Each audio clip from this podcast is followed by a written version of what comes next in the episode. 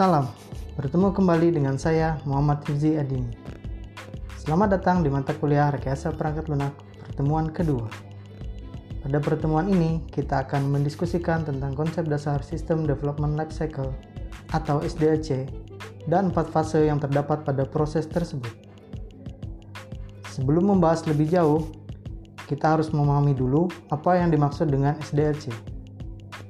System Development Life Cycle atau SDLC adalah proses memahami bagaimana sistem informasi dapat mendukung kebutuhan bisnis dengan merancang sistem, membangunnya, dan mengirimkannya kepada pengguna.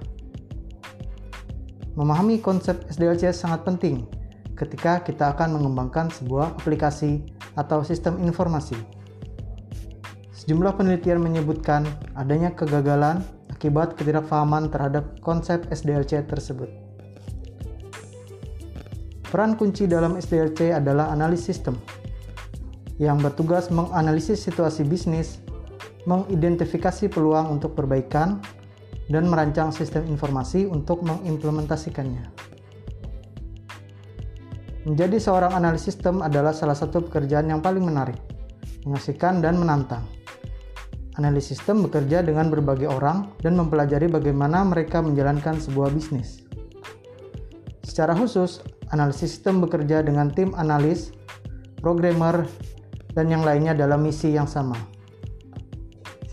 Dalam banyak hal, membangun sistem informasi mirip dengan membangun rumah.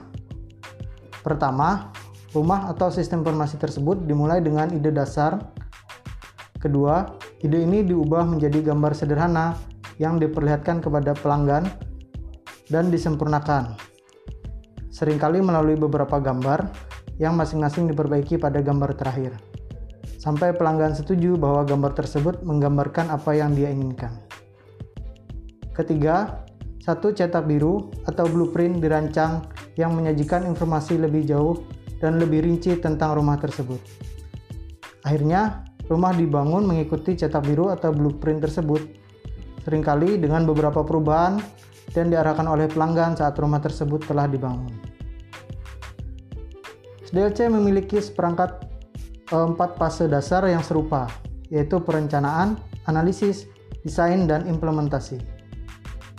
Proyek yang berbeda mungkin menekankan bagian SDLC yang berbeda, tetapi semua proyek memiliki elemen dari empat fase tersebut.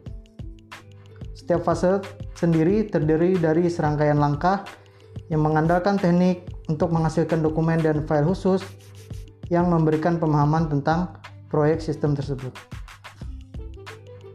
Untuk saat ini, ada dua hal penting yang perlu dipahami tentang SDLC. Pertama, harus mendapatkan gambaran umum tentang fase dan langkah di mana proyek sistem informasi bergerak dan beberapa teknik yang menghasilkan kiriman tertentu. Yang kedua, penting untuk dipahami bahwa SDLC adalah proses perbaikan yang dilakukan secara bertahap.